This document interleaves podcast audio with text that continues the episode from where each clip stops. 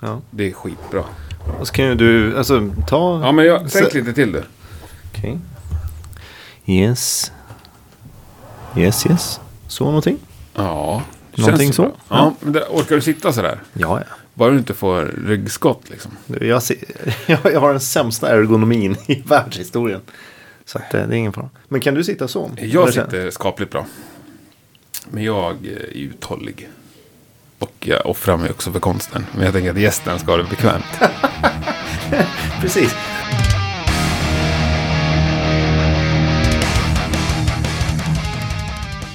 Yes, då var det äntligen torsdag och ett nytt avsnitt av Rockpodden. Idag är vi tillbaka med ett lite mera sådär normalt avsnitt när jag sitter ner alldeles själv med en eh, sjukt sympatisk gäst. Den vi pratar om och med idag är David Mortimer Hawkins. Han har spenderat eh, större delen av sitt eh, vuxna liv i musikbranschens toppskick får vi väl säga. Han jobbar just nu idag på Sony Music men har hunnit med en massa annat intressant innan dess.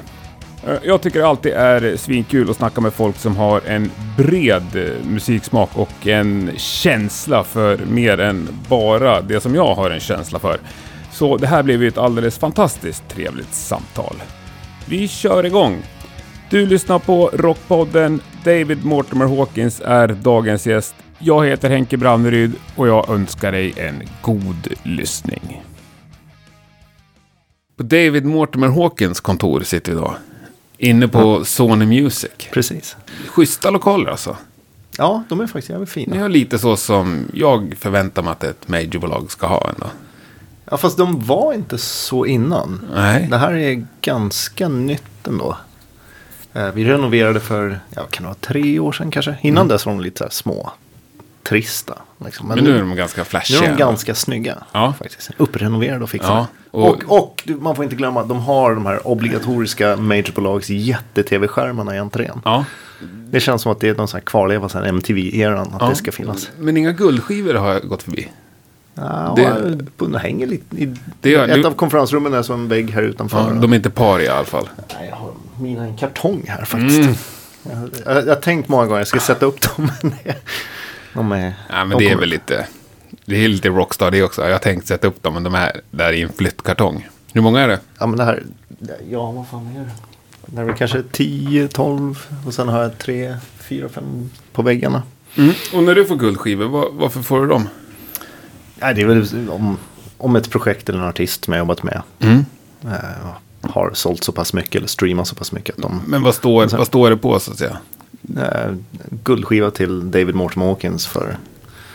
ehm, för Det var exakt, det, exakt nästa ord jag är ute efter. För... Eh, awarded to David Mortimer Hawkins for sales exceeding eh, x antal. För din roll, Men din roll bakom guldskivorna är Eh, som A&R då, eller artistansvarig ansvarig på skivbolag. alltid och uteslutande. Ja, när jag jobbar på musikbolag så definitivt. Ja. Det är ingen guldskiva som kommer från något annat håll. Att du har varit med och producerat, eller skrivit någon nej, låt eller nej, nej. skrivit någon Eh, text. Eller? Utan jag nej. bara suttit bakom skrivbordet. Det är bara A&R. Precis. Härligt. Jag önskar att jag kunde få en guldskiva någon gång som basist. Det hade varit jävligt mäktigt, men eh, det har inte hänt än. Det går att lösa. Jag har försökt på nästan alla mina artister i alla fall så här smyga in att jag kunde få lägga en basgång någonstans. Men det Ja. har inte hänt än. Fan vad dåligt. Nej, de har ingen tilltro. Det Men du, A&R på ett av världens största skivbolag. ja. Det är väl mångas drömjobb, tänker jag. ja, om man, alltså, är man musikintresserad så är det ju ett drömjobb. Mm. Skulle jag nog säga. Det är också kanske ett av världens mest missförstådda jobb. Ja, berätta lite snabbt då hur det egentligen är. Ja, hur är det egentligen? Uh, själva, om man börjar med namnet, A&R betyder ju Artists and, um, Artist and Repertoire från början. Och uh, var ju på 50-60-talet när artister skrev inga låtar själva då utan de var ju bara sångare som åkte runt och turnerade och sjöng. Och så satte folk på små lådor och holkar och bara skrev låtar till höger och vänster till andra artister. David Bowie jobbade så från början innan han blev egen artist. Eh, bland annat. Och eh, då var det eller oftast då i, i England och USA, en man. Eh, deras roll var att hitta, dels hitta artister och låsa upp till skivbolaget och då var ansvarig för att plocka rätt låtar för att sätta på eh, den artistens inspelningar som de sen kunde turnera.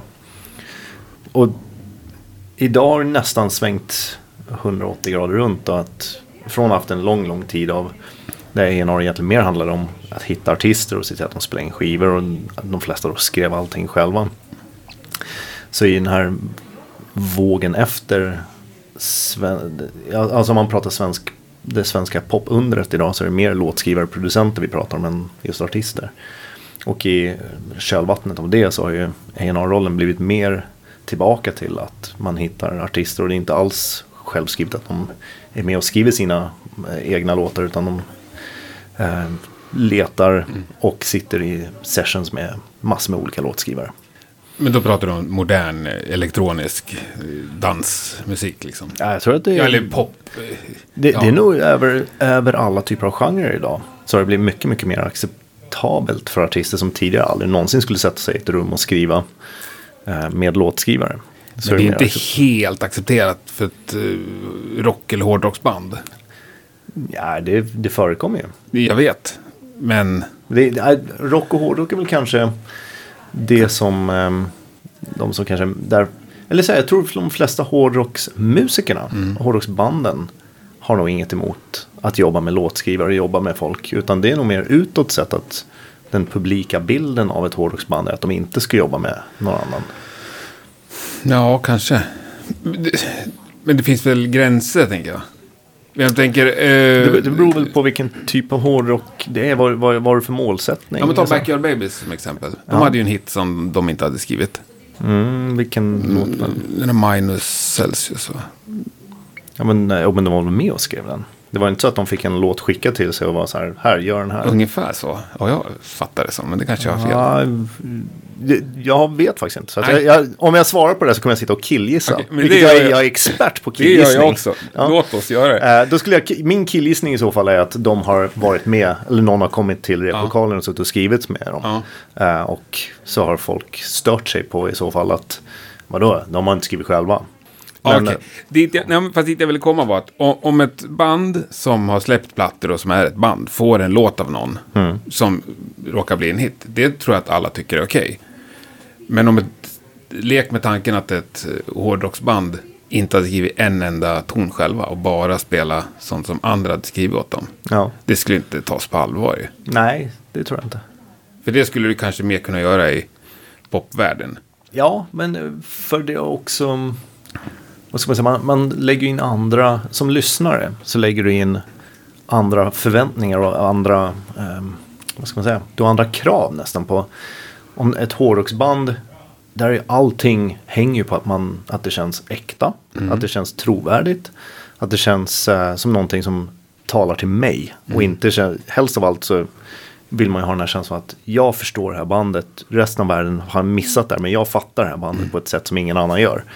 Eh, och den känslan suddas ut lite grann om det. Då så här, ja just det, och sen är det de här låtarna skrivna med det här låtskrivarteamet från Los Angeles, eh, XYZ, som har eh, haft hits med Rihanna och Ja. Beyoncé och vad det nu skulle kunna vara. Då, då suddas ju den, den här känslan av ehm, exklusivitet, att det är någonting som är för mig Ja, då, personligen. då blir det, liksom suddas ut. produkt. Eh, medan har man en artist som en Ariana Grande. någon, Så de blir ju eh, jätteviktiga för sina lyssnare fast på ett annat sätt. Där är inte, det är inte lika, alltså deras ehm, angelägenhet för sina lyssnare hänger ju inte på att jag har skrivit varenda ton av det här själv. Utan då är det andra saker. Det är ett budskap och en visuell framtoning och andra saker som kan spela in som gör deras fans eh, liksom verkligen eh, vad ska man säga, engagera sig i just den artisten.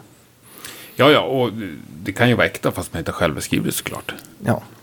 Eh, Men vilka genrer rör du dig? Din ingång till musikbranschen, det kom ändå via rocken, hårdrocken. Men, från allra första början, Ja. alltså way back when, så Låt när, oss starta där.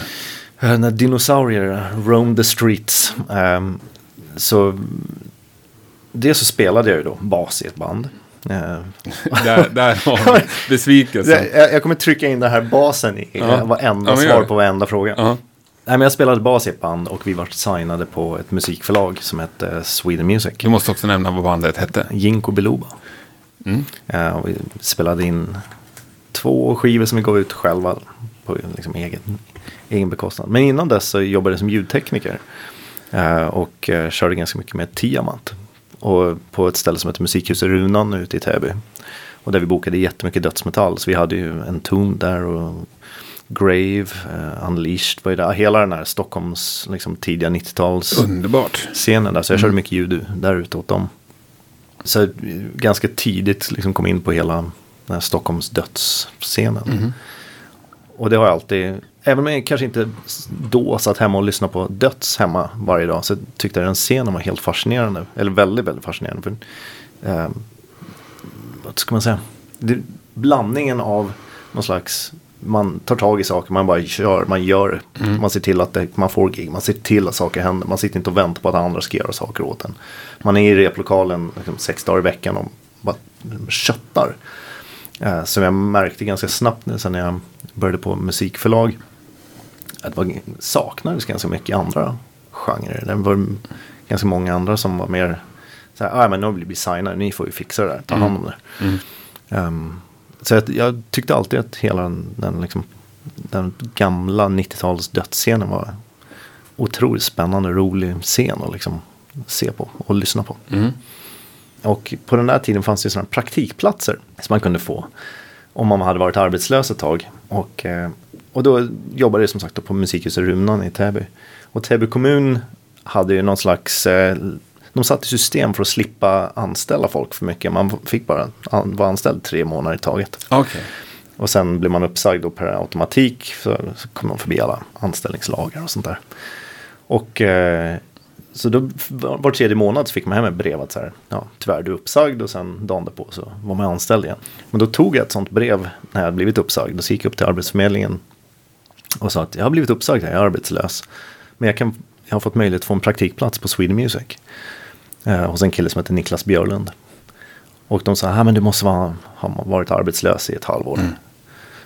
Eh, För, att, för att du ska få en sån plats. Och så sa jag, ah, men jag kan sätta mig ner sex månader här nere på lokala krogen och sitta och kröka och liksom tappa det här jobbet. Eller så kan du bara hoppa över den där grejen och se till att jag får praktikplatsen. Uh, it, it's on you. om, Bra, bra. om du har skapat en alkoholist här. Men, eh, och då sa han så här, "Ah, okej, ja men då, då fixar vi det. Så fick jag en praktikplats då på Vad gjorde Sweden Music Sweden? Music är ett musikförlag. Eh, och den stora skillnaden egentligen på skivbolag, de flesta vet vad skivbolag gör. Mm. De signar artister ut skivor, eller gav ut skivor. Idag släpper vi mest ut musik digitalt. Eh, musikförlagen jobbar ju med låtskrivare och uh, upphovspersoner. Då. Och det är musikförlagen som sköter allt. E- Egentligen allting som sker bakom inspelningar som de flesta inte tänker på. Och det är egentligen där den stora, det är, det är den stora delen av musikbranschen. Och framförallt den viktigaste är just upphovsmännen och eh, verken, liksom, själva upphovsrätterna.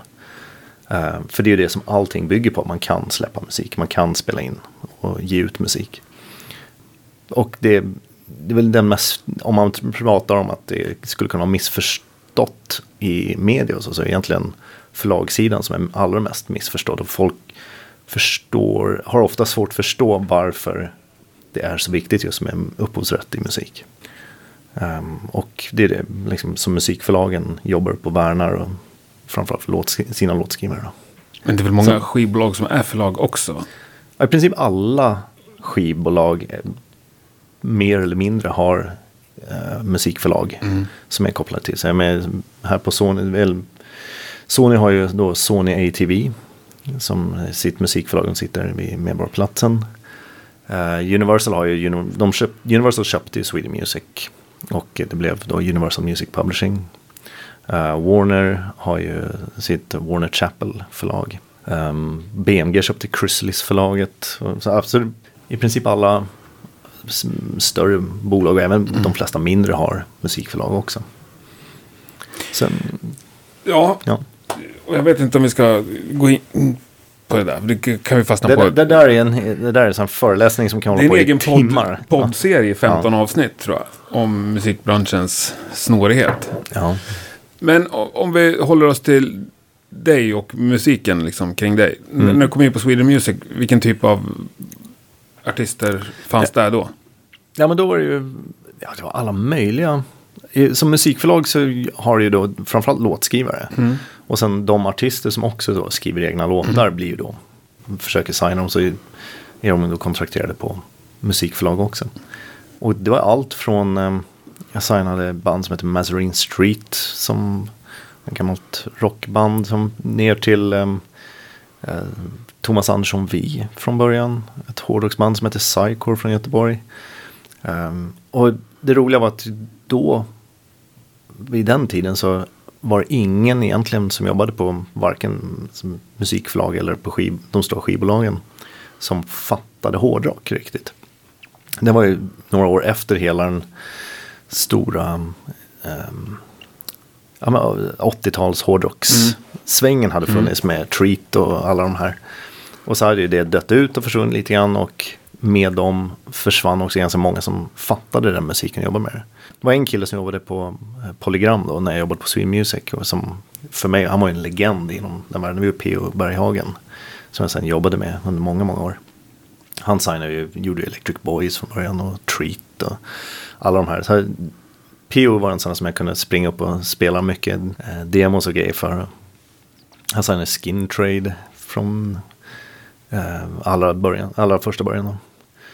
Och mm, ja, så att eh, egentligen var det liksom P.O. som jag sprang och spelade hårdrocksdemos för. Men sen då som musikförläggare så var jag tvungen att liksom ha ett stort öra och lyssna på mycket olika genrer musik. Och det har du aldrig varit rädd för liksom? Nej, Nej. jag, jag har nog alltid, i alla fall så långt jag kan minnas, aldrig förstått riktigt varför man ska låsa in sig i en genre lyssnarmässigt. Nej, eh, och det, det är ju lätt att säga nu också för mig. När jag blir vuxen. Men jag vet ju att i Mm. Ja, här, och- yngre år så var det ju... Var- musik var ju fiende liksom. Ja, jo men eh, alltså det, och när jag var 13-14, alltså då var jag ju hårdrockare. Ja. Liksom, och då, då lyssnade jag inte på mycket annat. Nej. Men så fort man liksom lämnade tonåren så upptäckte man ganska snabbt att det finns alldeles för mycket bra musik. Så det är alltså dumt att in, inte lyssna på annan musik. Det känns som. Ja. Men sen är det ju en, en bra bit till innan du får in det i själen. och Innan du känner Ja, sprattelkänslan liksom kanske, eller? ja Har du lika lätt att göra det för en Ariana Grande-låt som en bra hårdrockslåt nu? Eh, det är olika typer av sprattel. Ja. kan man säga. Då är jag nästan nere på så här låtnivå. Att det kan komma en låt som är verkligen så här helt fantastisk. Eh, en, en av de sist, senaste grejerna som jag verkligen fått så här. Eller om, om man tittar på de två senaste grejerna som jag fått riktigt så bra sprattelkänsla i kroppen. Det ena är faktiskt uh, upptäckte jag genom att lyssna på något tidigare avsnitt av din podd. eh, Och Crippled Black Phoenix. Ah, det är härligt. Ehm, ja. Så jag, jag lyssnar på den intervjun med Jonas. ja. Ehm, och han, eh, när han beskrev det så blev, så, bara på hans sätt att beskriva hur han jobbade med Cripple Black Phoenix var det så här, fan det här måste jag gå in och lyssna på. Och sen har jag varit helt såld på det. Hade du aldrig hört dem innan? Hade inte hört innan Nej. överhuvudtaget. Och tyckte det var helt fantastiskt. Så där har jag och blivit så här, så jag vet, pratat med kompisar, bara, har du lyssnat på Cripple Black Phoenix? Ah, har du lyssnat på det? Har du vad lyssnat på det?" roligt. Ja. Ehm, De kommer till Stockholm snart. ja, Får vi gå och kolla. ja en, en av dem som jag brukar ringa och skrika när jag hör bra musik, det är Jerker Josefsson. Ja. Eh, och han uh, gav mig ett så här fadligt, så bara, ja, har du inte hört det här innan? så att jag känner mig, jag känner mig sist på bollen. Men, eh, och det är ju en typ av sprattel. Och eh, den andra som jag, här, på absolut senaste tid är ju uh, Bury a Friend, Billie Eilish. Som en helt annan typ av sprattel. Men som, jag tycker hon är helt knäckande bra. I, i väg av liksom, låtskrivande och liksom, atmosfär och ljudbild och allting. Jag måste ge henne en ärlig chans känner jag.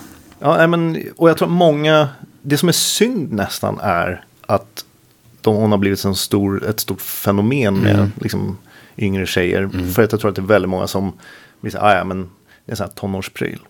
Lyssna på den musiken, det är riktigt, riktigt bra låtar. Jag ska göra det, ja. Eh, och hon är svincool. Mm, coolt.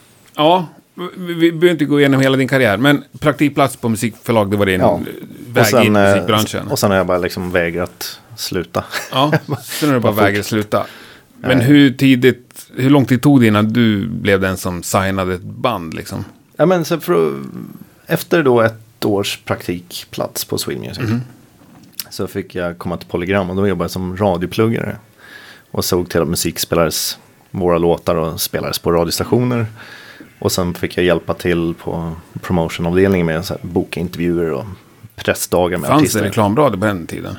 Ja, det var precis när reklamradion drog igång. Ja. Och alla såg ju det som den stora, nu äntligen kommer det, man har massa olika kanaler och sprida massor med olika musik och allting. Och sen insåg man att alla kanaler gick ju bara efter samma, samma typ av musik, samma typ av låtar. Och det var också där jag insåg eh, det här att public service-radion, den här P3, P4, P1, om någon gång de har spelat musik, men P, P3 och P4 framförallt, spelar ju musik för att de, det här är en bra låt, det här ska vi spela, det här tycker vi om. Medan eh, insåg ju också då att mm, kommersiell radio, den musiken de spelade var ju ett sätt att inte skrämma bort lyssnarna mellan reklamblocken. Ja. För att det var där de kunde sälja sin reklam och få in sina intäkter. Och då blev musiken, allting som störde eller skavde lite spelade man inte. För att då fanns det en chans att någon satt i bilen och lyssnade och bytte kanal. Och det gäller att få folk att inte byta kanal. Och det är två helt olika förhållningssätt till musik. Verkligen. Eh, Och eh, efter att ha gjort det i ett och ett halvt år eller någonting så kände jag att nej, jag vill tillbaka till att jobba med låtskrivande igen. Alltså, det var eh, PR och radiopluggning och sånt var, var kul och jävligt, jävligt lärorikt. Och inte riktigt något jag orkade hålla på med. Och Ja. då kom jag tillbaka till musikförlag igen. Ja, Och fortsatte jobba med låtskrivare i ett par år innan jag blev anställd på Stockholm Records. Som A&R. Ja, precis. Så Ola Håkansson och eh, hans uh, head of A&R då, en kille som heter Hans Johansson, frågade om jag ville komma och börja jobba. Och det vill du. Det vill jag. Vilka band signade du dit? Eh, det första jag signade var ett band från Umeå som hette The Facer. Yes. Eh, och sen så, Med Paul Paris. Paul Paris, ja. Ja, ja. Precis. Så otroligt jävla bra frontman och bra band. Och, eh, nej, det, var, det var jävligt, jävligt kul. Jag kommer ihåg jag spelade på första A&R-mötet. Man är lite nervös, Ja. ny. Och Ola Håkansson var ju känd som liksom Mr Pop. Han har ju Mm. liksom gjort Lilius Susie. Han har gjort alla Army of Lovers och alla vet, de här stora svenska popgrejerna. Mm. Och så kom jag upp och spelade King of Expectation. Och eh, Ola tittade på mig och sa, sa ja, men det här, det här, jag tror det här är, blir grymt. Alltså, jag vill verkligen göra det här. Och det här var alltså, de fanns inte så att säga. Nej, nej, det var Nej. helt, alltså, det var från en demokassett. Och eh, Ola tittar och sa, han, du, ehm, kan, du, kan du sitta här om ett halvår och titta mig i ögonen och säga liksom, att du fortfarande är stolt över signingen oavsett om den går bra eller inte? Så ja, absolut, ja, kör då. Och så sa jag den första. Coolt. Ja, och Vad hette deras? De hade ju en riktig hit ju. Ja, ja, vad fan hette Nej, men King of Expectation var väl den första. Så hade vi ju... Um, fan, och det här är ju pinsamt att sitta så här i en intervju inte komma ihåg Ja, vilka förlåt, låtar. jag kommer inte heller ihåg. Jag har blivit så otroligt dålig på namn. Ja, jag med. Jag Jag, jag, försöker, jag försöker inte ens lära mig. Nej. Jag, jag liksom Scream for Vengeance kommer jag ihåg och sen så... Det är den enda låttiteln man behöver kunna. jag, jag försöker inte ens. Eh, jag, jag hade en, en, en period i livet, en rockklubb i London. Jaha. En ganska rolig historia. Och ihop, med stommen, Tommy från Stonecake. Jaha, okej. Ja. Ja. Stonecake var det inte igår man hörde som bandnamn faktiskt. Nej, det är ganska bra bandnamn. Ja. eh, tycker jag, för den musiken. Då kom han till mig och bara, "Åh, jag har tagit Facer, det här var när de hade lagt ner. De skulle komma och lira gratis. Jag tror vi- vi stod för flygbiljetterna, sen så, ja, något sånt. Och det var ju coolt tyckte vi. Vi riktade oss liksom till svenskar som bor i London, det är ändå 50 000 svenskar något som bodde där. ja. Men då kom jag ihåg att Paul Paris spelade trummor i det giget. Oj. Och så David Sandström spelade gitarr och sjöng. Och så spelade han sina nya låtar.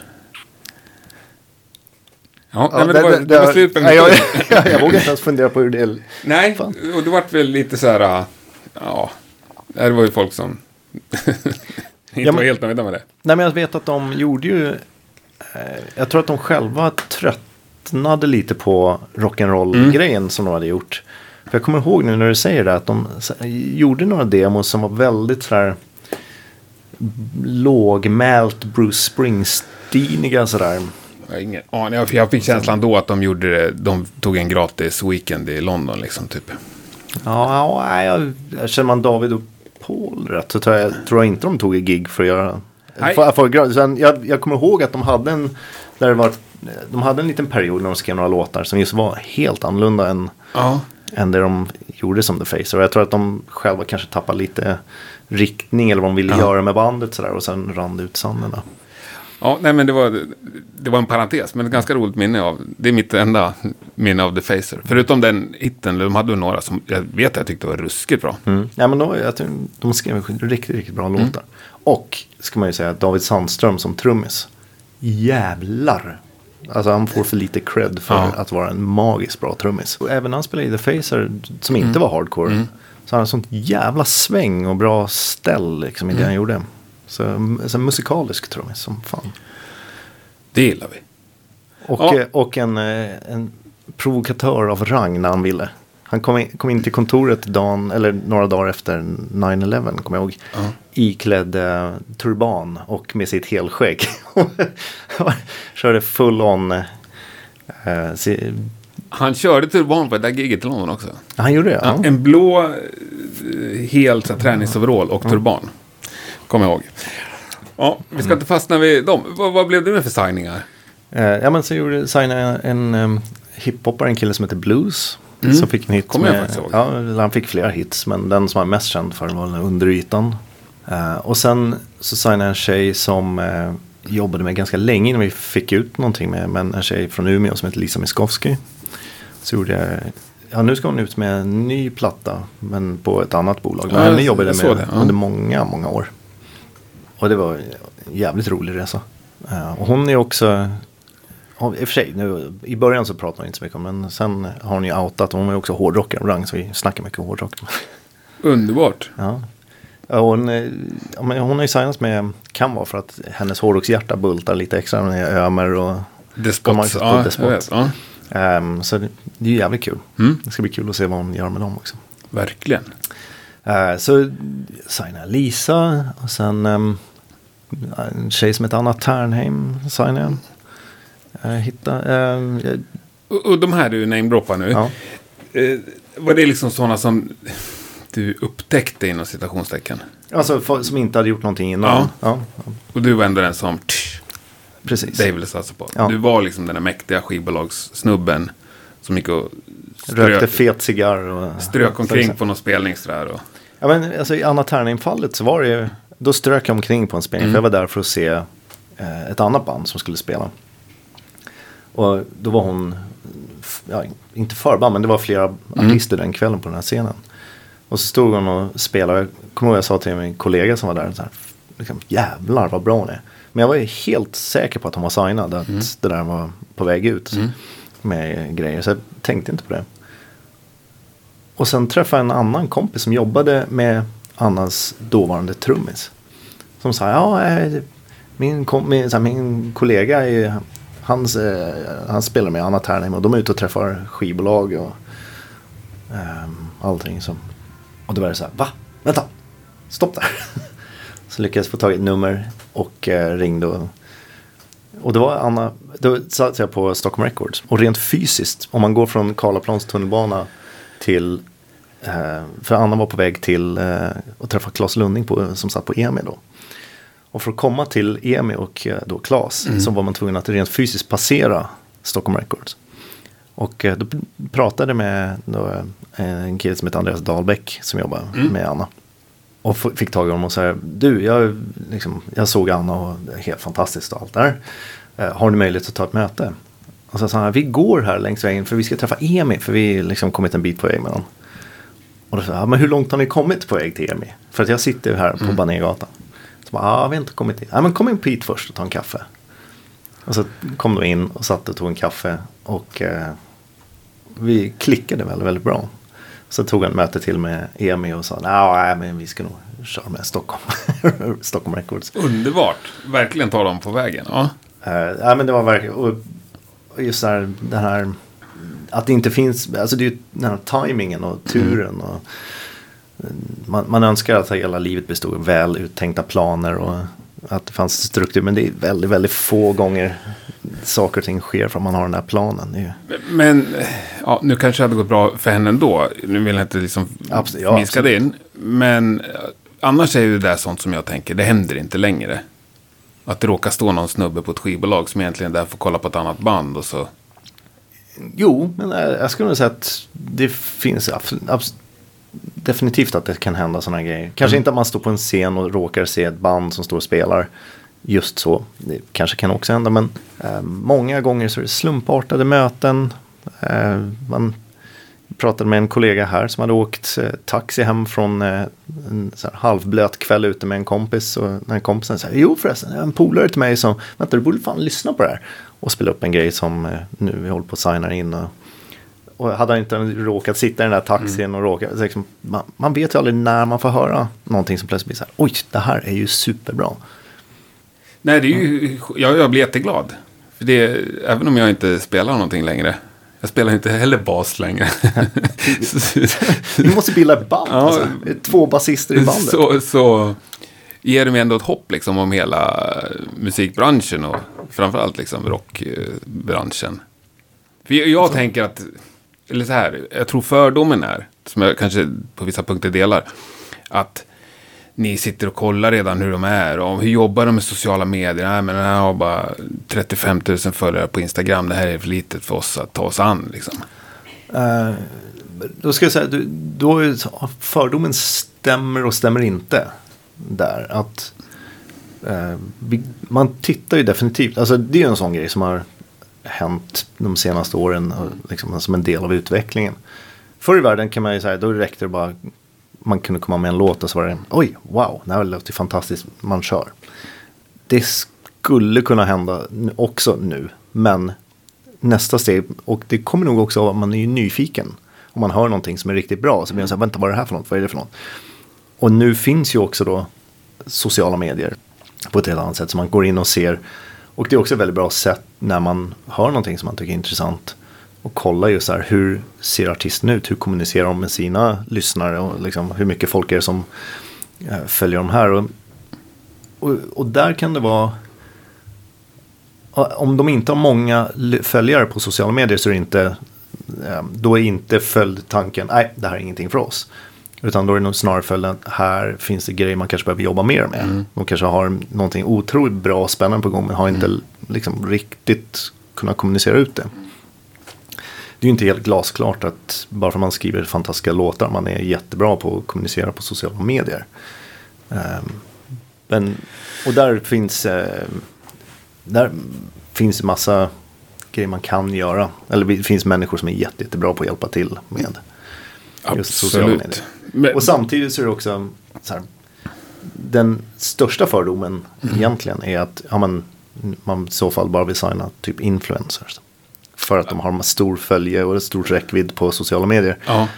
Och så är det verkligen inte. Det, det finns ingen korrelation med, mellan jag har många följare på Instagram för att jag sitter och pratar, eller på YouTube för att jag sitter och pratar om vad jag käkar till frukost och vad jag har för kläder på mig och att man faktiskt gör musik som folk vill lyssna på.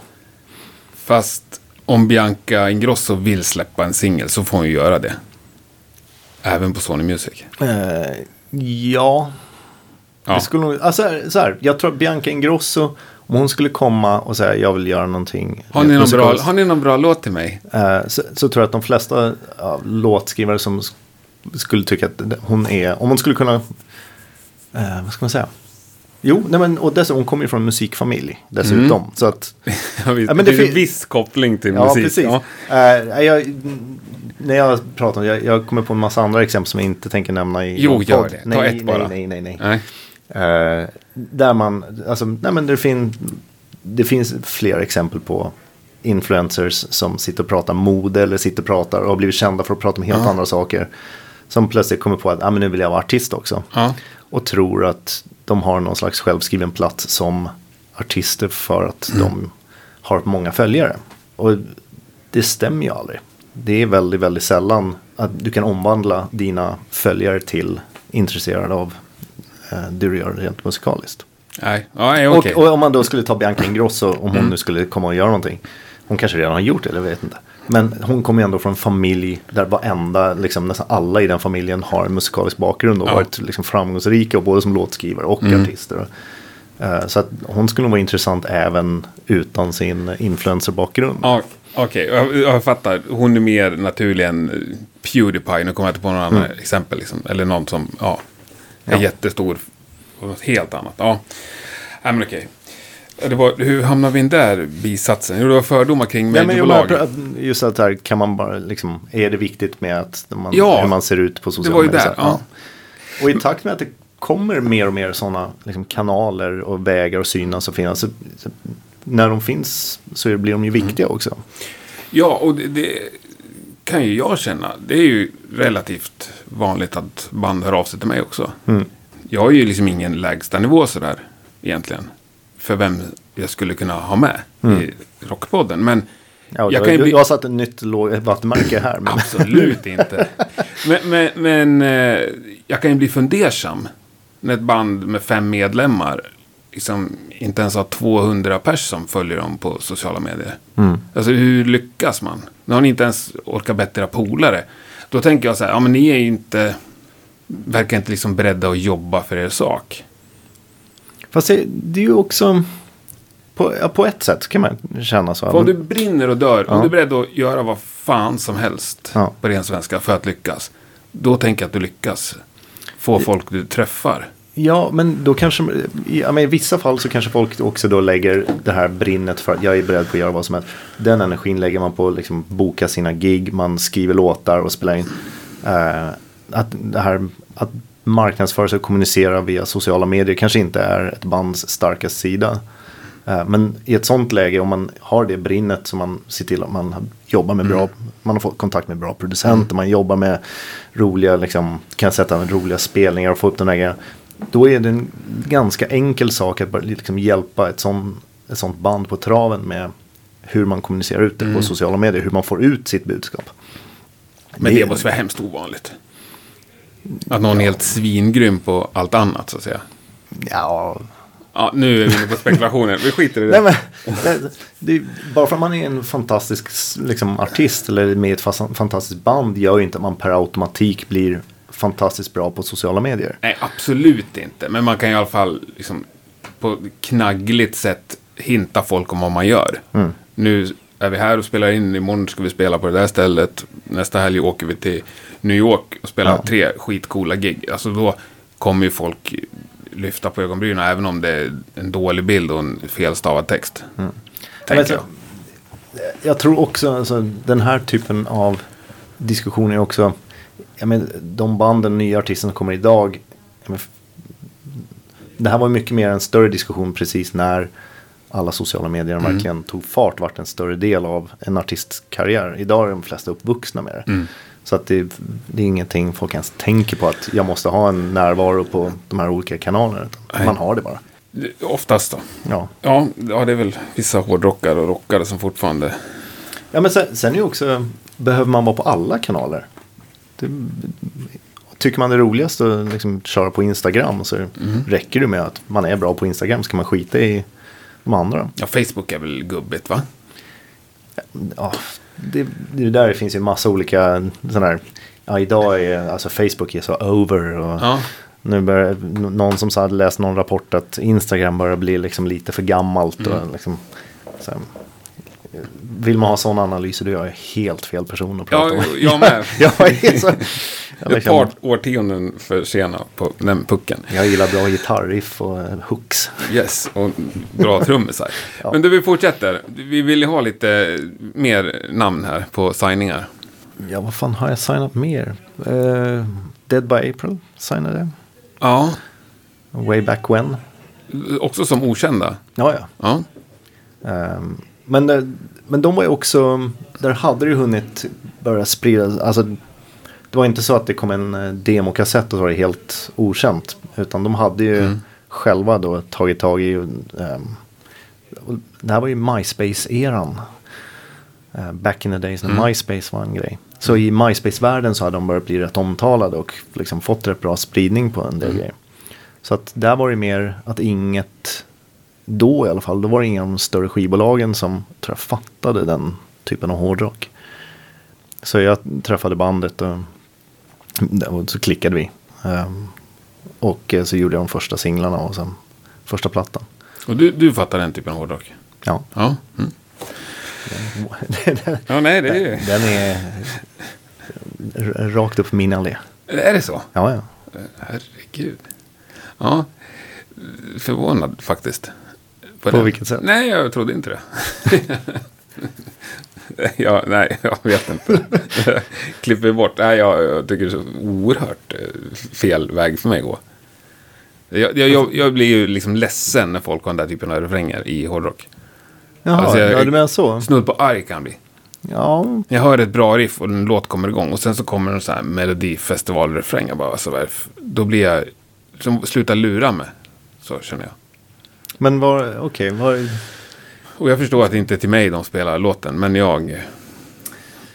Alltså, då ska man också, när de kom så var ju också, det var ju inte sådär supervanligt med de här stora refrängerna. Nej. Så det fanns ju också någonting, första gången man hörde det så bara, fan, för mig så var det ju, när jag lyssnar på musik så försöker jag hitta saker som jag inte har hört tusen gånger förut. För att vara liksom en ytterligare en i raden av folk som gör X, Y eller Z är ju ganska tråkigt till slut. Och just när de kom så kommer jag ihåg att det var så här, oj, fan vad coolt att det var dels hårda verser och liksom Jimmys liksom agro-sång i verserna och sen de här superstora refrängerna. Det var så här, fan det här är jävligt jävligt coolt. Och jag tyckte även från bara rent här låtskrivarperspektiv att eh, Pontus hade liksom, han fattar melodier, han fattar refränger. Och sen eh, jag är ju absolut till fullo medveten om att hardcore, eh, liksom true hårdrocken. Och jag vill tyckte att inte vara- alldeles det där för, Nej, men jag vill alldeles för inte barnsligt. vara en av dem. Jag vet inte, jag bara... Men det är ju det är musik. Ja, det, ja, det är- väl det som är härligt. Ja. Och jag blir ju jätteglad när jag träffar någon som gillar saker jag inte gillar. Liksom. Som kan förklara för mig varför de gillar det. Mm. Det tycker jag är oerhört intressant. Och gällande exakt all musik. Ja. Svinkul liksom. Ja, men det, alltså man, det där är alltid roligt, så på, särskilt om man sitter på en middag eller sitter på Mm. liksom, ute någonstans. Och det blir musikdiskussioner. Mm. Så. Det är få ämnen som är så, liksom, folk har så jävla starka åsikter om. Och, så, och blir, eh, och folk blir alltså provocerade av att man, eh, ja, hur musik låter. Mm. Om, man, här, om man bara benar ur, liksom, det är fortfarande 12 toner och det är fortfarande ett gäng ackord som spelas med lite olika ljud på förstärkare eller producerade i en dator eller på en synt. Alltså, och ändå så kan folk bli så otroligt provocerade av att man har spelat ackord på ett visst sätt och sjungit på ett annat. Ja, okej, jag är skyldig där. Men, men det är väl också härligt att Om det man, berör. be, om man benar, ja men och det är ju hade det det som inte är berört hela. hade inte du haft något jobb. Om man vänder på det och tänker så här, tänk om det inte berörde alls. Tänk om alla tyckte om exakt samma musik. Alltså det hade varit så jävla tråkigt. Då, då tror jag inte folk hade varit intresserade överhuvudtaget. Eller ännu värre, de här som inte bryr sig. Det är ju det allra mest provokativa, tycker jag. Ja. Folk Ja, som men- säger att de lyssnar på allt. Och då menar de att de slår på radion. Och lyssnar på den promille av musiken som råkar spelas på radion. Ja men alltså det är ju en annan, är så här, så här, jag lyssnar på allt. Egentligen är det vad de säger, jag lyssnar på ingenting. Ja, exakt. Jag, bara, Eh, det är det jag utsätts för musik. Jag är jag, allätare. Det är det värsta jag vet. ja, Det är en klyscha också. Ja. nej, det är riktigt bra, riktigt bra musikdiskussioner som pågår länge. Det är Fan, det är det bästa som finns. Underbart. Ja. Men har du inget som du blir provocerad av? Musikaliskt? Ja. Det finns massor med grejer som jag tycker Mm, är säg jätte, jättedåligt. Um, ja, fast det, det är ju också då, det är mer låtar. Mhm. Snarare än så här hela genrer eller liksom artist. Så här. Kan det vara känsligt om ett band du gillar släpper en låt som du tycker är dålig? Ja, fast då blir jag en, mer... Jag hoppas att det är liksom en speedbump. Bara så här, okej, den här Ja. var inte så kul. Hoppas nästa grej blir bättre. Mm. Ehm, om det är ett band som jag verkligen gillar.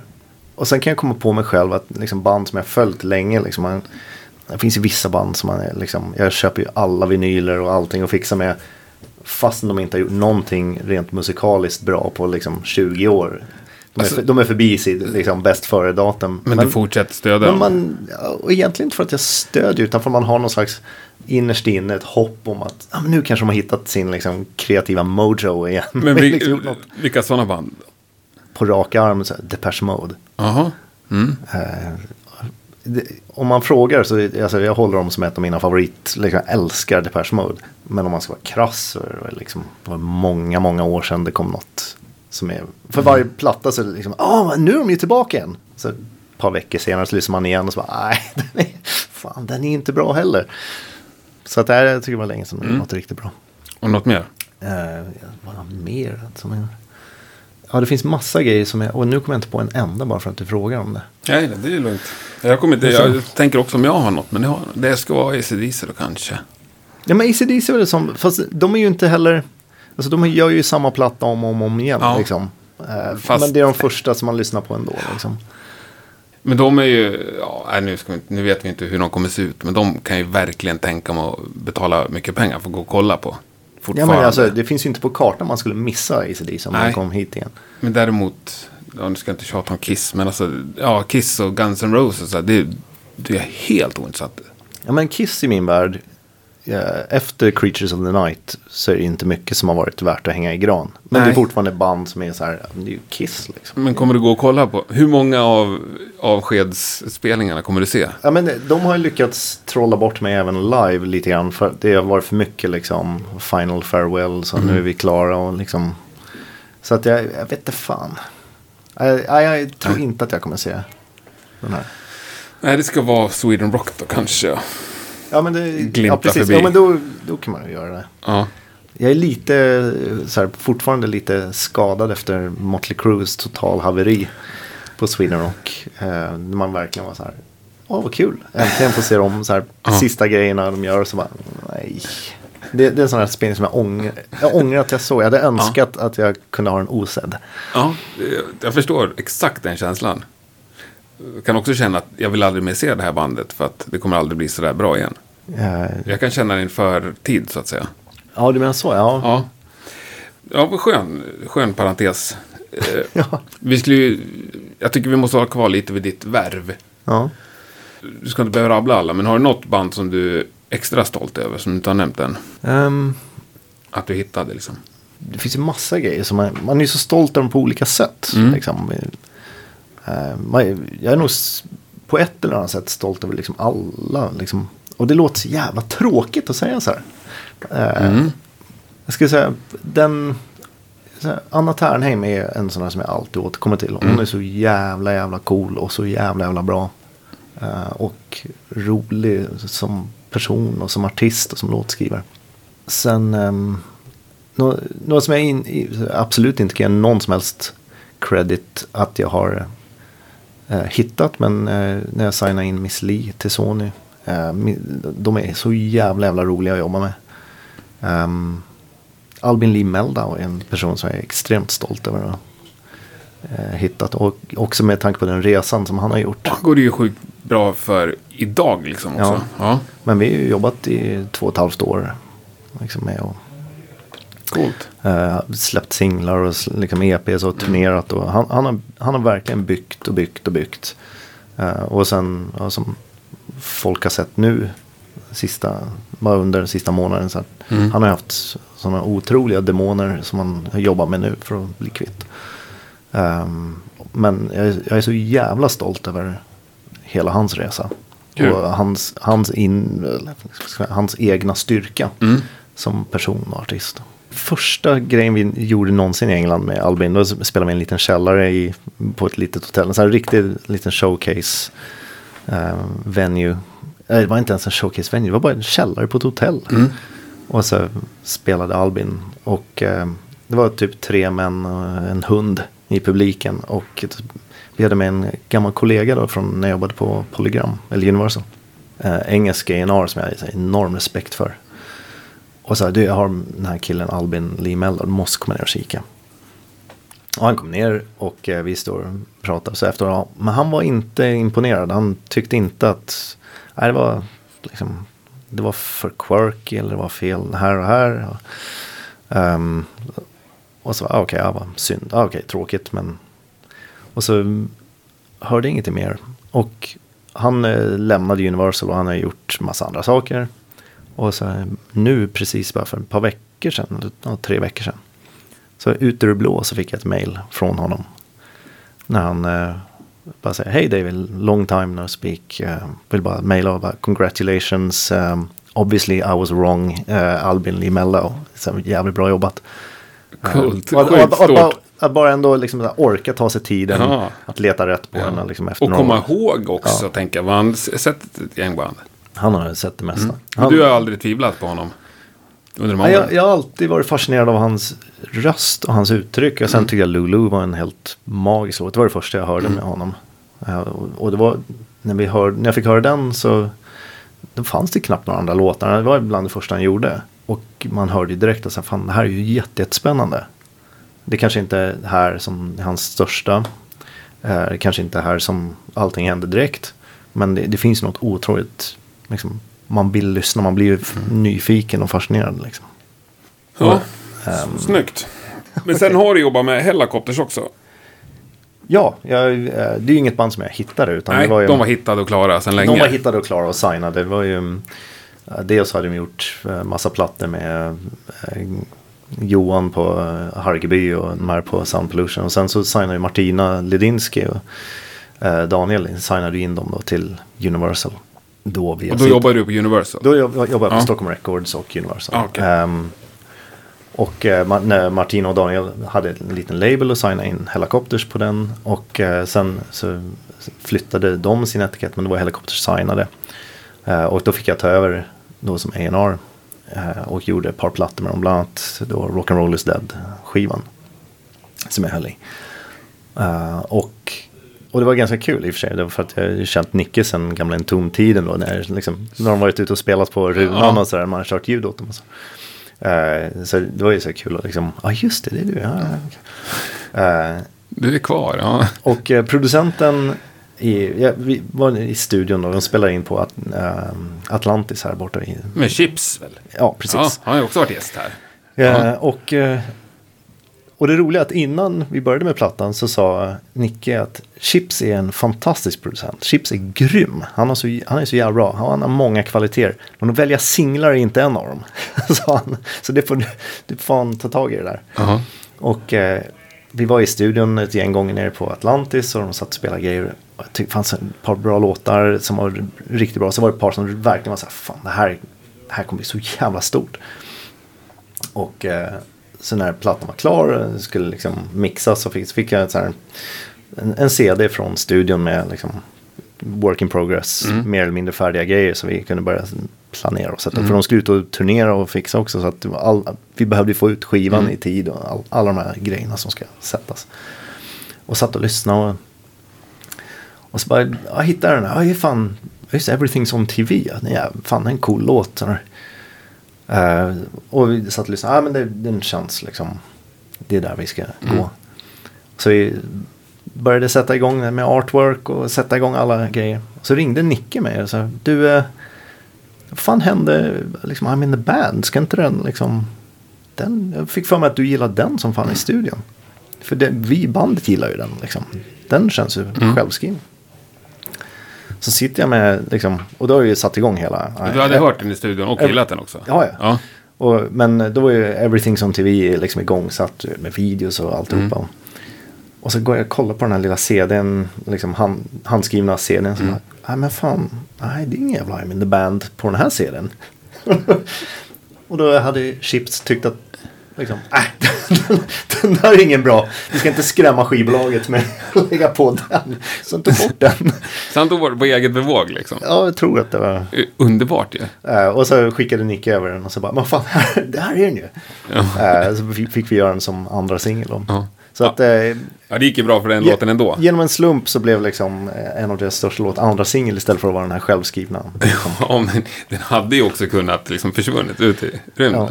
Men, eh, och det, det absolut roligaste med I'm in the band, förutom liksom att den hade kunnat försvinna ut i rymden, eh, men var ju att, då var ju en av Sveriges absolut hetaste videoregissörer, var en kille som heter Andreas Nilsson som jag också hade jobbat med i Silver Bullet, han är gitarrist. Och vi kan ta en separat podcast bara om hur bra Silver Bullet är. Okej, Fy fan vilket band. ja, vi tar det på Ehm, påhäng. Men, ehm, och då hade ju Andreas också, eller han är ju också regissör och liksom gjort massa väldigt innovativa, balla videos och eh, dessutom slagit igenom jättestort som reklamfilmsregissör.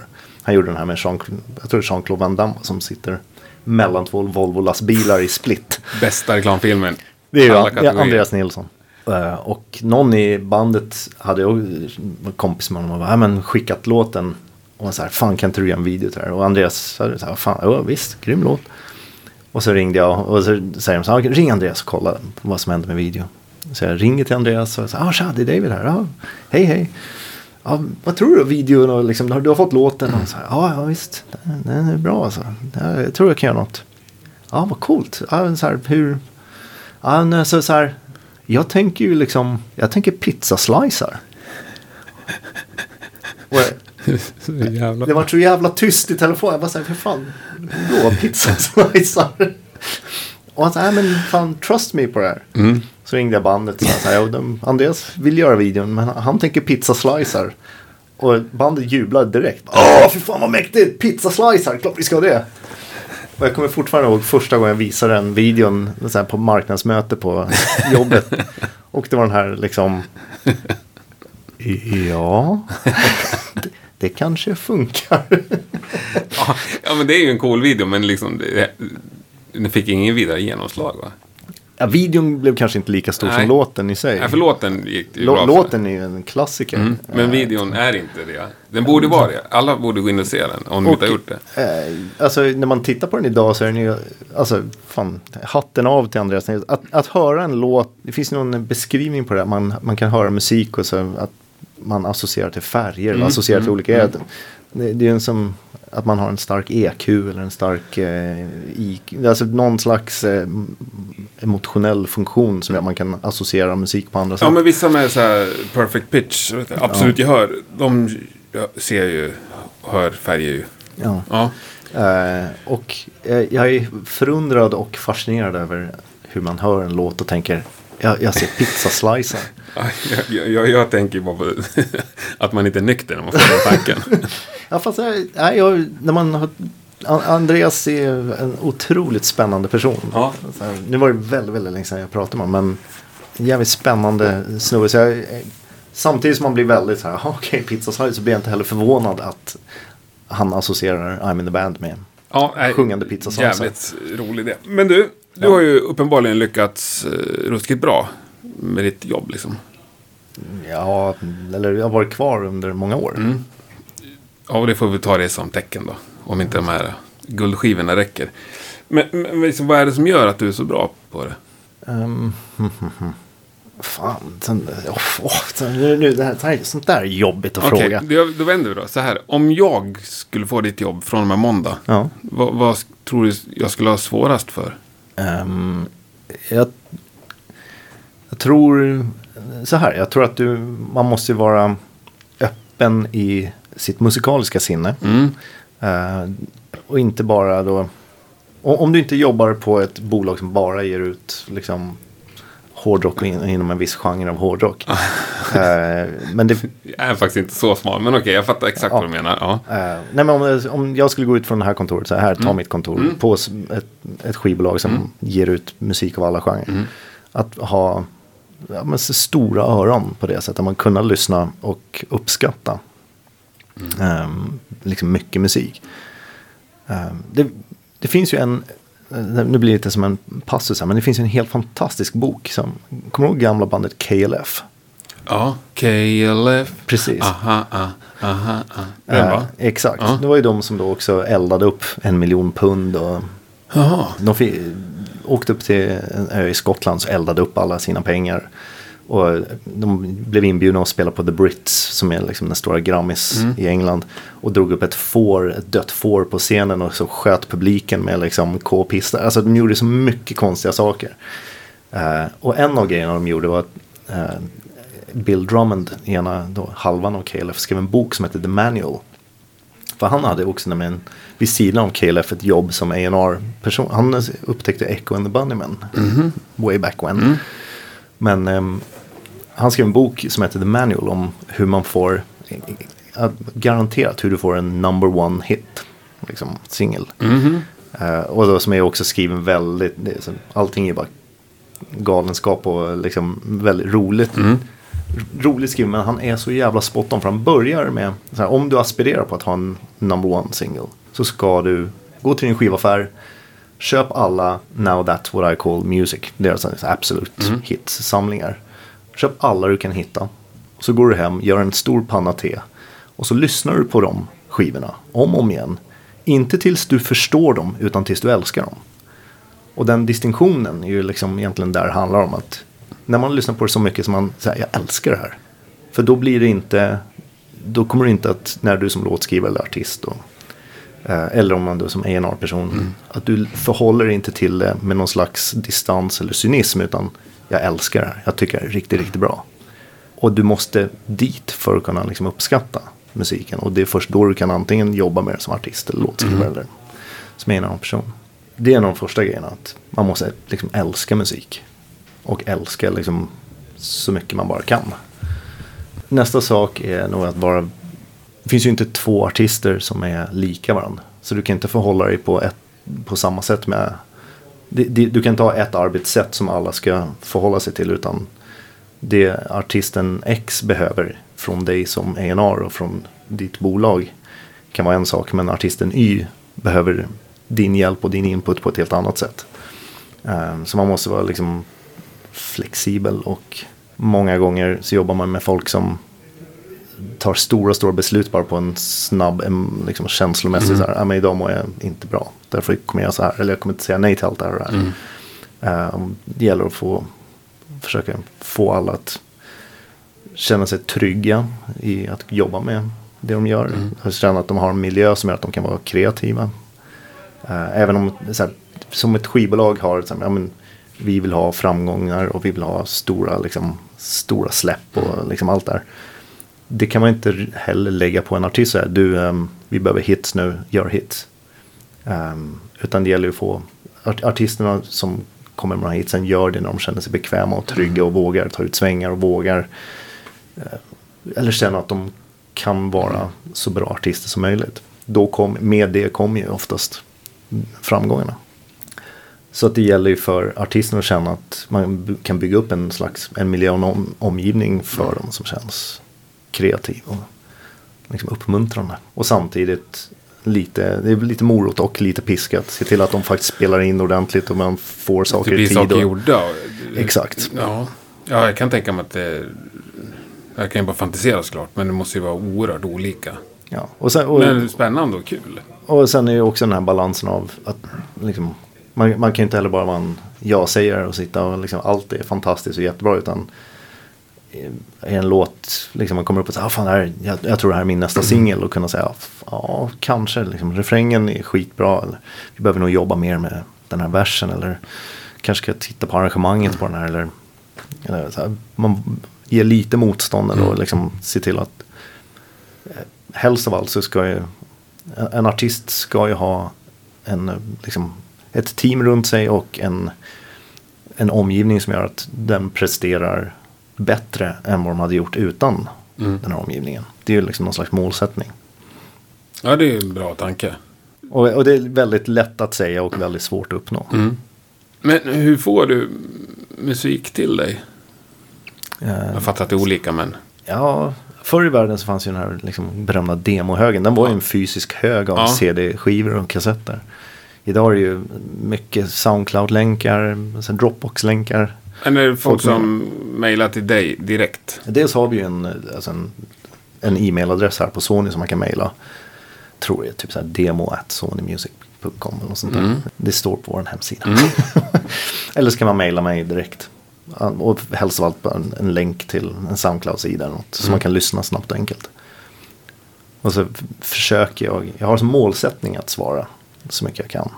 Och sen kan jag vara grymt långsam när jag ligger efter. Men hur många... Hur mycket musik lyssnar du på en vanlig dag?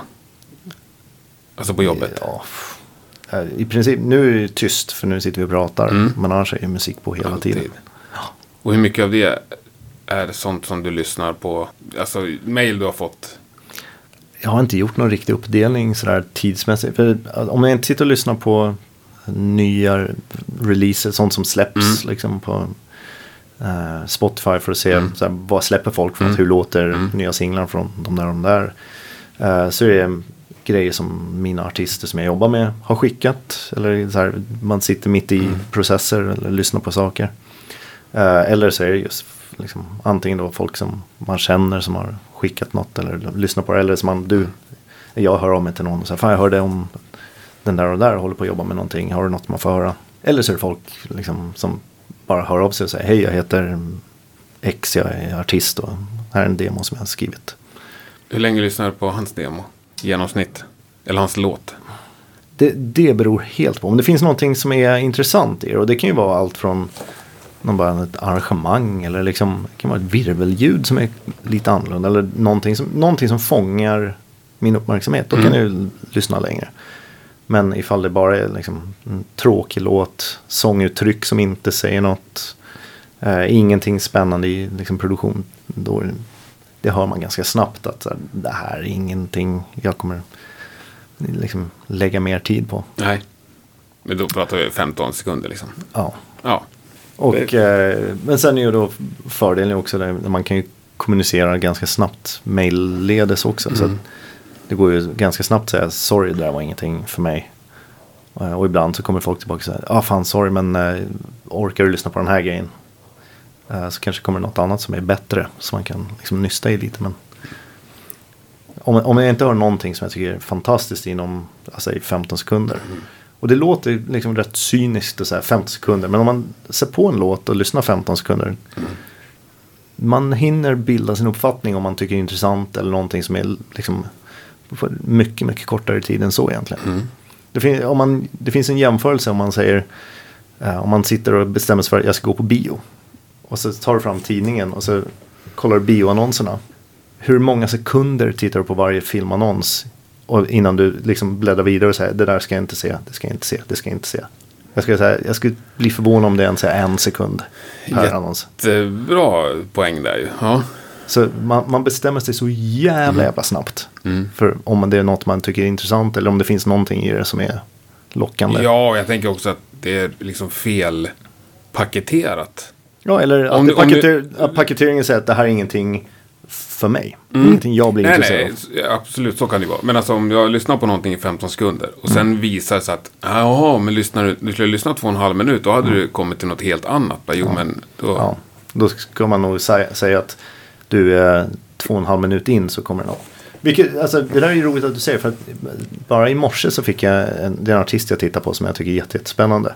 Hon skickade en låt och säger att ehm, den här låten är jättelång och, men det jag vill att du ska lyssna på är typ tre minuter in. Eh, och det är ju fine, för då är det bara att spola fram tre minuter och där kommer någonting som blir jätte, jättespännande. Eh, men, men då måste man liksom, hade hon inte skrivit det så hade jag kanske lyssnat och varit så här, fan, Ja. oj då, här vart det liksom, här gick det på en liksom tomgång. Ja, jag, jag fick också ett mejl igår faktiskt. Nej, lyssna på den här låten. Men spola fram till 1.40 för då börjar det groova eller någonting. Så, ja. nej, men okej. Varför gör ni inte det från början då? Ja. Ja, I det här fallet så var det en demo och det var en skiss på en låt. Så att hon sa det är vid tre minuter så det är den partiet som jag vill liksom fortsätta utveckla. Och liksom, så där är det fine. Men, Ja.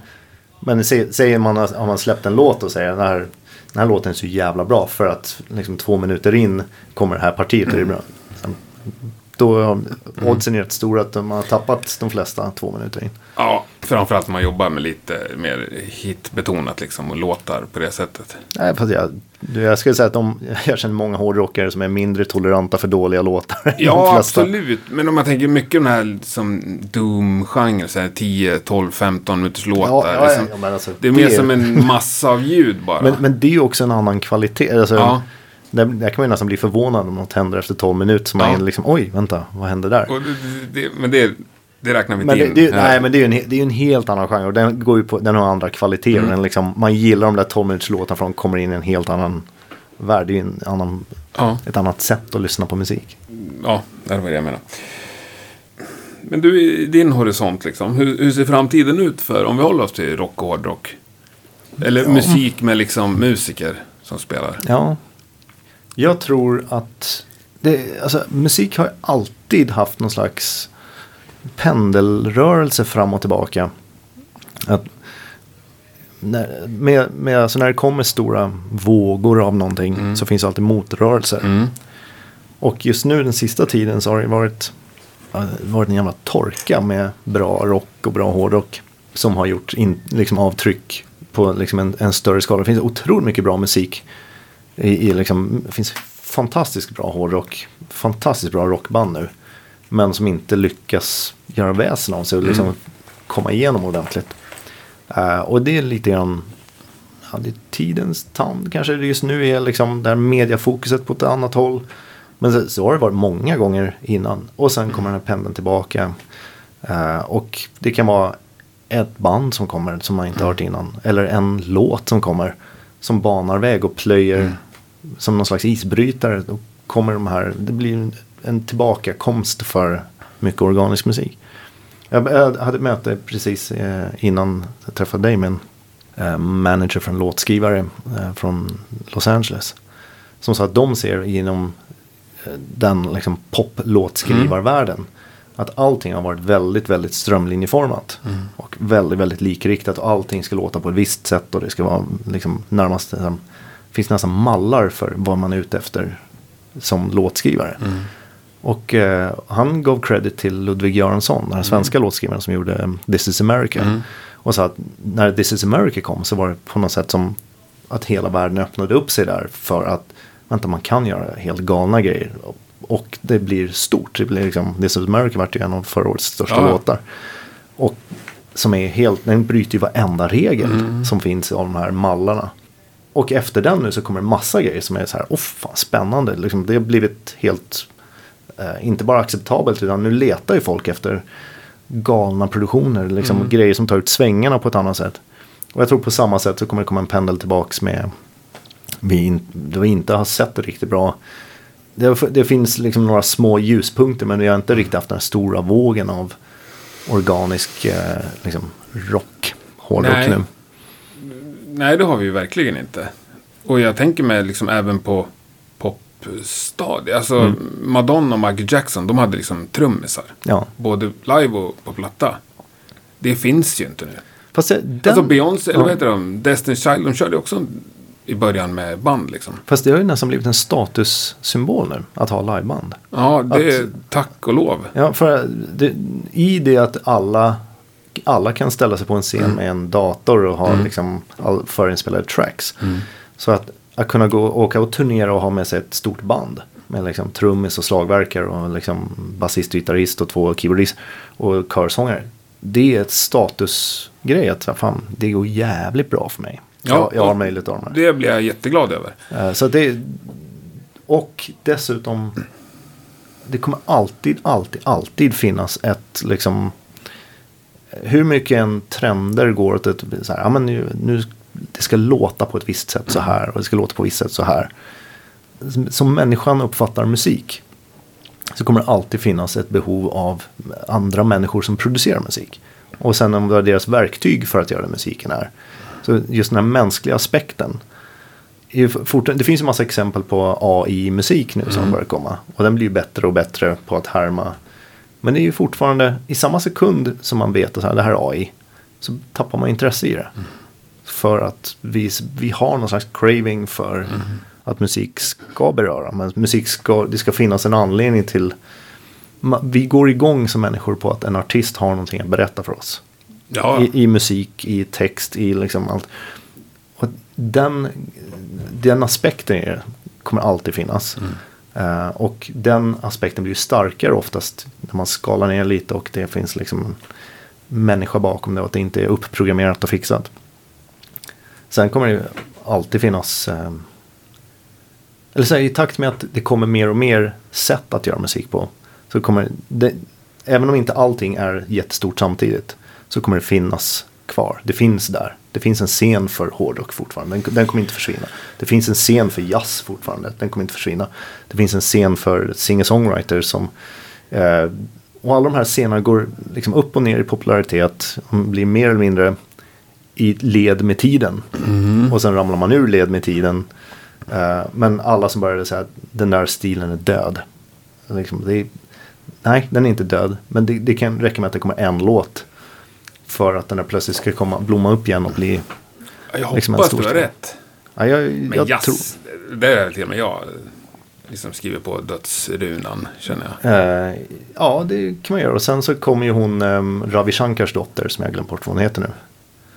Eh, Hon hette ju, eller heter, Ja, vet inte. hon släppte en av det årets absolut mest sålda skivor. Alla kategorier. Ja, jag vet. 2002 typ.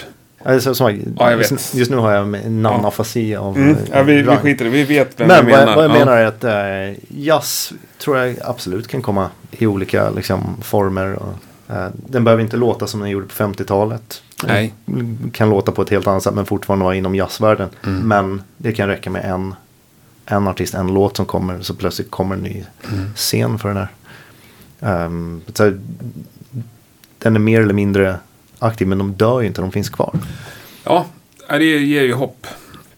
Men eh, det finns ju också, menar, det finns ju en hel värld nu som gör med liksom skickliga musiker som spelar in samples och spelar in de här looparna för att andra producenter ska ha liksom originalmaterial eller grejer som är nytt för dem att kunna sampla och vrida till och klippa och skruva. Och det är ju två, det är två konstformer egentligen som helst. Det ena är ju en, att du är en skicklig musiker på att spela ett riff. Och det är lika mycket, alltså många är väldigt fördomsfulla mot nya tidens producenter. Alltså, ja, de trycker bara på en knapp. Eller de bara drar in i datorn. Eh, det är ungefär som att hävda att har man en ordbehandlare på sitt, sin dator så fuskar man om man skriver en bok. Ja. Det, det, är- det är liksom vad du använder programmet till, hur du jobbar med det. Och de producenterna som kommer idag är ju superskickliga på ett sätt. Eh, även om de inte spelar en gitarr som folk kanske lärde sig, eller fo- gitarrister har lärt sig. Så är de ju, det finns ju ingen skillnad i liksom kvalitetsnivå på, eller kunskapsnivå eller vad man ska säga. Konstnärlig verkshöjd Nej, på de olika Nej sakerna. och det där köper faktiskt till hundra. Och, och jag skulle till och med dra det så långt till att det, de behövs nästan för att ta en, ett instrument som har funnits i liksom hundratals år som låter på ett visst sätt, sex strängar på en träplanka. Men att kunna ta det instrumentet och göra den, att den låter fräsch och ny 2019.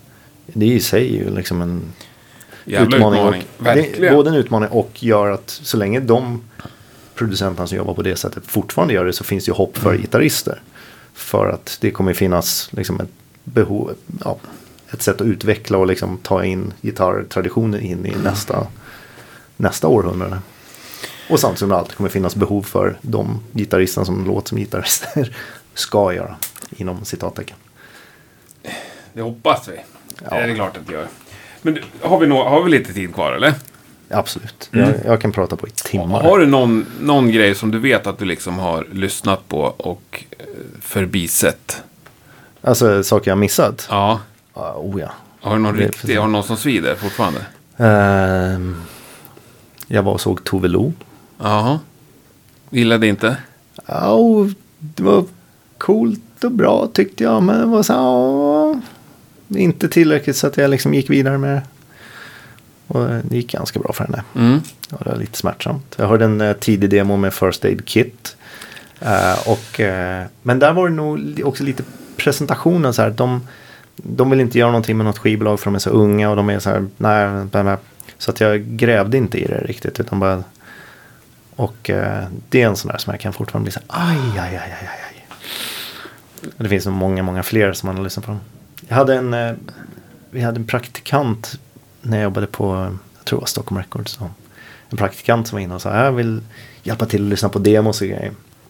Och bara se om man hittar något. Ja. Och eh, den eh, praktikanten kom sen och sa ja men det var det var en eh, grej. Han, eh, basisten i eh, Bror Daniel hade gjort någonting. Så jag vet fan om det är något så här. Nej okej, jag, så här, jag var aldrig någon jättebror Daniel-fan så att nej skitsamma. Och Håkan Hellström Håkan Hellström hade man ju gärna signat. Och det, det roliga när jag hörde Känn ingen sorg för mig i Göteborg första gången så var jag liksom så här, "Oh, fuck vilken låt. Och sen så ja det här var ju Håkan Hellström då, den gamla basisten från Bror Daniel. Så börjar man så här gå tillbaka till så här, vänta fan. Och det enda man kan lära sig av det, liksom, jag, jag kan inte skylla, alltså. Jag kan, inte, jag kan inte skylla på att han inte gillade det utan det är, liksom, det är ju mitt jobb att i så fall Ja. lyssna på det.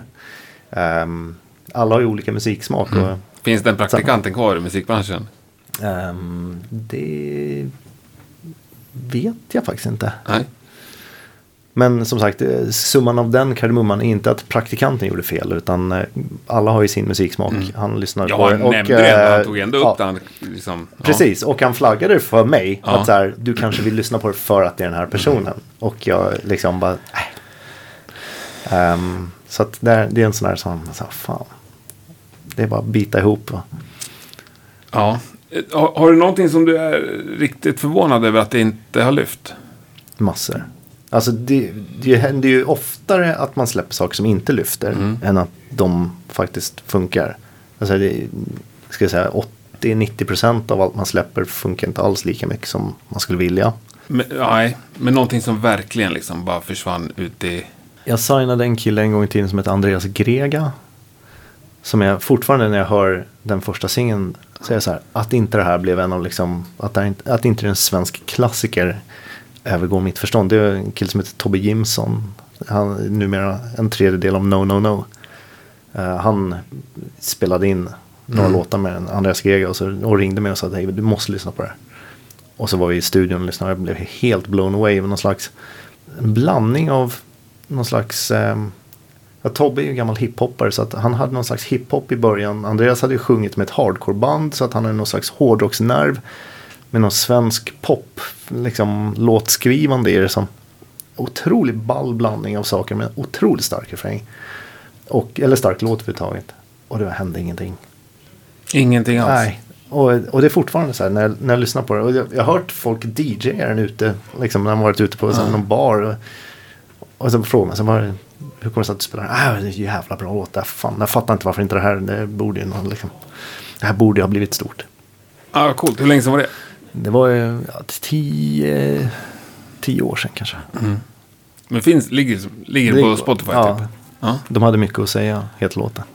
Den ska Eh, jag lyssna på. Ja, nej, den tycker jag. Och sen, som sagt, alla grejer i princip som man signar har man ju någon tro på att det här på ett eller annat sätt. Allting kanske inte ska bli albumetter eller gå upp på singellistan. Utan men man tror ju någonstans att allt man jobbar med i alla fall gör någon slags avtryck eller liksom får någon momentum och sätter igång på något sätt. Eller det är det man, om man inte tror det så är, ska man inte Signar. signa det. Men sen är ju liksom den krassa verkligheten alltså väldigt få saker som verkligen funkar. Så man, man kan säga att man har, har ett yrke som i 25 års tid har byggt på att funka som en humla. Liksom. Att jag vet, jag, jag flyger fast jag vet att jag egentligen Att inte kan flyga. Men blir det någonsin liksom att du känner att nu måste du prestera någonting som liksom lyfter? Nu var det, nu David, har du suttit på ditt kontor och bara... Ja men den, den pressen har man ju hela tiden Ja. på sig. Eh, och sen har man ju någon slags, man har en yrkesstolthet också. Eh, att man vill ju vara, en, alltså som yrkesman så vill man ju vara relevant, man vill vara intressant, man vill göra saker som andra människor bryr sig om. Eh, om jag bara satt på min kammare och, och bara signade saker som ingen brydde sig om, som var helt ointressant för eh, alla andra, så då Får starta ett indiebolag. då skulle jag starta, eller bara släppa upp själv. Liksom det, Ja. det ligger ju någonstans, man, eh, någonstans har man kanske ett litet, litet drag av att vara artist. Man vill ut och synas och finnas fast genom sina artister. Att man ska göra det här avtrycket. Och, och det vill man ju med alla sina artister. Vad har du på gång nu då? Närmast? Ehm, närmast nu så... Som kommer lyfta? Ehm, ja, det, det närmaste är ju, eller som jag sitter och jobbar med just nu, är faktiskt Bo Kaspers Orkester. Eh, de har ju lyft. Ja, men det är ett, säk- det är ett säkert kort. Nästan. men det, de är skitroliga jobben. Det är min första platta jag jobbar med Ja. dem. Eh, de är ju faktiskt skitroliga. Och när jag säger så här, de är faktiskt. Men det, det är mer så här, man inte har jobbat ihop Mm. tidigare. Så man har ingen aning. Så här, kommer vi klicka? Funkar vi? Funkar vi inte? Liksom allt det där. Men det, det, det är skitroligt. eh, so far. Så det håller jag på med. Jag har ett band som är i London nu och spelar med Peter Björn och John. Som heter Discopunk. Eh, som är ett fantastiskt liveband. Som när vi pratade Facer innan Ja. egentligen första gången sen The Faces som jag har jobbat med band som är så här. Jag, jag vill gå och se varenda spelning de gör. För att vad som helst kan hända. Det är, de är en fantastisk frontman. Jävligt roligt liveband. Och för varje gig de gör nu så kommer det mer och mer folk. Och märker i London också när de har varit och spelat några gånger. Att de börjar få en engelsk publik. Vilket är skitroligt. Att folk hittar dem. Eh, där är vår utmaning att se till att vi kan bygga på även på liksom, den inspelade musiksidan. De, Mm. Det de gör. Jag jobbar med en eh, kille som heter Juliander. Som egentligen blev mest känd hittills för att han sjunger på Alan Walker singen All Falls Down. Men ehm, galet produktiv snubbe som första gången vi träffades då spelade han upp typ f- ja, 60 låtar på voice recorder när han bara sitter och Oj. sjunger och nynnar. Ja. Ehm, och så valde vi ut ett par tre låtar därifrån och började spela in. Och sen så tyckte han det går för långsamt. Eller jag, liksom, han har, jag har för mycket idéer i huvudet. Jag vill lära mig producera själv. Och gett sig fan på att producera och börjat jobba med lite liksom, egna produktioner. Och låter redan liksom, svinbra. Och eh, han skickar fem, sex låtar snudd på i veckan. Fullproducerade Shit. Låtar, texter, allting. Som är så här Alltså det finns någon eh, overdrive-knapp Ja. hos honom som eh, är galen. Men jä- jävligt spännande Mm. kille. Han, han är ska ut och börja spela mer live nu också. Så jag håller på med honom. Jobbar med en tjej som heter Shirin som jobbar ihop med ett litet skivbolag i Ystad som heter Cardiac. Eh, så också en helt fantastisk sångerska liksom i någon slags Adele-tradition. Sån där stor, stor röst. Lite liksom retro fast med någon slags modern twist på det hon gör. Jag hitt- var och kollade på gig med en eh, tjej som var, jag tror hon är 18 eller 19. Eh, som låter som Rival Sons fast liksom li, som ett yngre Rival Sons. Och en tjej som skriver alla låtar och riffar och liksom. Vilket bara, band då? är det en tjej, en solartist. Som heter? Ebba Bergqvist. Coolt. Eh, och eh, som jag blev helt så här. Fortfarande så här, supertidigt och Mm. liksom så. Men där man kände att så här, det här är ju jätte, jätte. Så jag verkligen fick så här, fan. Hon har något jävligt coolt på gång. Genom att um, egentligen rent musikaliskt gör hon egentligen ingenting som inte har gjorts förut. Men det faktum, som vi pratat om där. Har all organisk musik försvunnit? Har rocken försvunnit? När det kommer en tjej som är så ung och själv skriver sådana låtar och bara riffar på så här, så blir det spännande igen. Eh, hade samma, liksom, samma låtar kommit så här, vi, det är ett gäng snubbar som är 43 som har vuxit upp med allt det här. Så ja, det är säkert jättebra låtar men det har inte, det är inte lika spännande.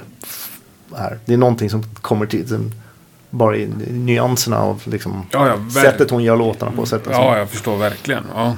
och sen är det förmodligen för tidigt för att göra någonting kanske här på, på ett majorbolag. Hon behöver nog få utveckla sig ännu mer som artist och liksom hitta sin plats och sin liksom form. Men skitspännande.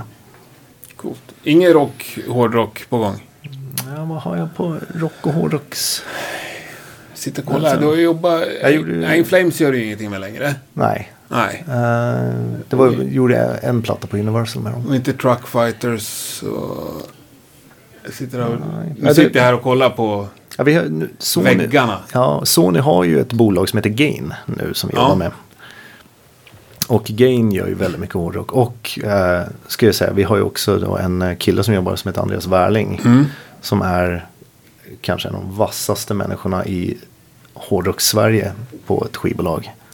Ehm, som har, har gjort massa saker. Han har ju varit manager för In Flames innan. Och, uh, signade Hank von Hell nu och gjorde hela hans comeback. Liksom, och orkestrerat hela den grejen helt fantastiskt. Ehm, så att om, jag, om, jag, om det kommer bra hårdrocksgrejer idag så är chansen större att jag går upp till Wärling och säger fan du måste lyssna på det här. Eh, för att han skulle nog göra en bättre jobb med det idag än vad jag skulle göra. Och sen ska jag gå upp och sno vinylen tillbaka när han släppte. Helt rätt. Eh, har du aldrig funderat på att vara manager åt ett band? Eller har du, har du varit Ja, f- jag var väl li, lite grann på pappret. Eller liksom lite så med temat ett tag i början. Eh, och nej, det var inte riktigt min. Det, det finns massa sidor av musikbranschjobbet som är liksom. Att skrika på andra för att de ska göra vissa saker. Eller liksom deala med visumproblem när artister ska in i USA. Eller bakfulla trummisar som har glömt sitt pass när man är ute och turnerar. Det, liksom, De, de vänner jag har som är managers käkar för mycket Losec och ser för stressade ut för att det ska vara... jag, jag gillar, jag älskar att sitta och lyssna på musik. Jag älskar att Mm. sitta och bolla liksom, den musiksidan och hålla i liksom, artister för ett skivbolag. Men eh, alla fall just nu, det kanske ändras. Det kanske, Ja, men jag tänker just Andreas Grega, Ja. liksom typ en sån att du känner att det är så sjukt bra. Ja, men då får jag väl ta tag i det själv liksom. eh, ja, jag, jag, jag Eller du känner att på- du har gjort vad du har kunnat redan. Jag, vill säga, jag tror inte att det hade blivit mycket bättre om jag hade haft en managementroll där Nej. heller. Utan, ehm, det har aldrig varit min styrka riktigt, de grejerna. Det, Mm. fin- det finns många människor som är jävligt, jävligt bra managers. Och det, det, det är bättre att de, de tar den. Då får de fortsätta med det. Precis. Ja, men du, ska vi försöka runda av eller? Ja, men det är en bra idé. Ja, stort tack för att du fick komma hit. Ja, fan, stort tack för att du kom hit och pratade med mig. Grymt trevligt. Ska vi avsluta med en Silver Bullet-låt eller Andreas Grega? Eh, nej, men för fan, så kan du inte säga. Jo, det, är måste ju vara både kan. och i så Nej, fall. det ja. får bara plats en låt här på slutet. Ja, men eftersom jag redan pratat så mycket så Andreas Grega Ja. eh, och det, förhoppningsvis så kommer folk att bli nyfikna och gå och söka den. Eh, så säger jag Star med Silver Bullet. Då kör vi den. Stort tack! Tack så mycket. Så där kan det gå till på ett eh, majorbolag en onsdag eftermiddag. Extremt trevligt. Stort tack David. Och eh, på väg hem ifrån det här mötet så fick jag ett eh, mess av eh, David där det stod Fan, jag glömde ju helt att nämna Pain. Så nu nämner jag Pain åt David. Pain. Som vanligt vill jag också tacka dig som har lyssnat. Extremt trevligt att du gör det. Också oerhört trevligt ni som hör av er på sociala medier eller på mail till henke rockpodden.se. All feedback är ju enormt rolig att få tycker jag. Nästa vecka är vi tillbaka med en ny spännande gäst. Missa inte det! Nu rundar vi av det här med önskelåten Star av och med Silver Bullet. Ha det så gott, tack och hej!